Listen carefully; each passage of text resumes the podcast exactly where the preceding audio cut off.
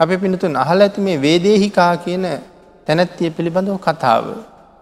මේ කාරණාවදි සඳහන් කරන්නේ අනුන්ට බොහෝ උපකාර කරමින් ඉන්න ඇතැම් අය ව්‍යාපාද ගරුකයෝය.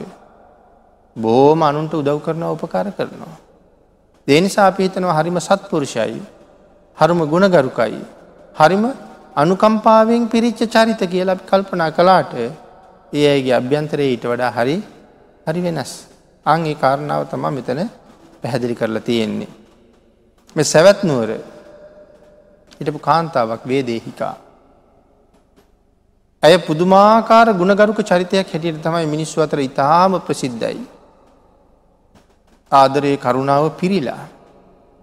ඇය පිළිබඳව කතා නොකරන කෙනෙක් සැවැත්නුවර නැති තරම්. ඇයට හිටිය එක දාසියක් තරුණ දාසියක්. ඇයගේ නම කාලි.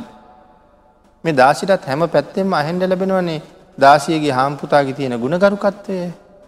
එනිසා දාසිය කල්පනා කළා මැය හැබෑම ගුණවත්ද. එහෙම නැත්තං ඇයට කිසිම දෙයක් අතපසු වෙලා පේන්ඩ තියෙන්නේ නැතුව ඇයගේ සියලුම කටයුතු හරියටම සම්පූර්ණ කරලා දෙන ඇගේ දයසිය නිසා ඇය ගුණවත් වගේ මිනිස්සුන්ට පේනවද කියනක මම පරීක්ෂා කරලා බලන්ඩුවන. එමිතල කාලී ඊළඟ දවසේ ටිකත් දවල්ලනකන් නිදාගත්තා. වේදෙහිකා කාලිට කතා කළා. ඇයි මෙච්චර වෙලා නිදාගන්න කියලෙහුවා. කාලිකිව නෑනිකං කේන්ති ගියා. ප්‍රවල බැලුවා. කාලි දැනගත්තා ඇයට කේන්තියනවා. මෙතෙක් මේ මුළු සැවැත් නුවරම හිතාගෙනින් ඇයට කේන්තියන්නේ ඇයට කේන්තියන්නේ නෑ හරි ගුණවත් කියලා. පහුවදත් නිදාගත්තා.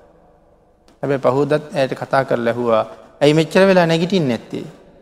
ඇයිකිව නෑනිකං එදා හොඳටම දොස් කීවා. තුන්ගනි දවසෙත් ඇය හිතාමතාම නිදාගත්තා. එදත් කතා කළා.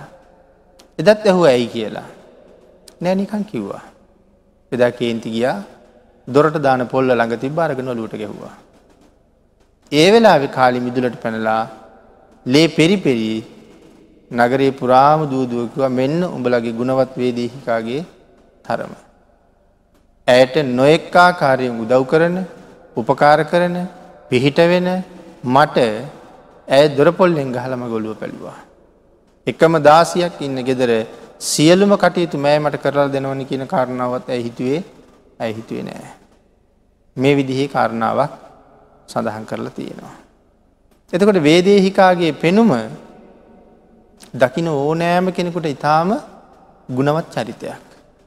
නමුත් බුදුරජාණන් වහන්සේ දන්නවා මෙන්න මේ ගුණවත් චරිතයක් කියලා මිනිස්සු හඳුනගත්ත තැනැත්තාගේ හෝ තැනැත්තියාගේ අභ්‍යන්තරයමොකක්ද කියලා. ඒක අවබෝධ කිරීමේ පුදුම හැකියාව බුදුරජාණන් වහසට තිබුණා.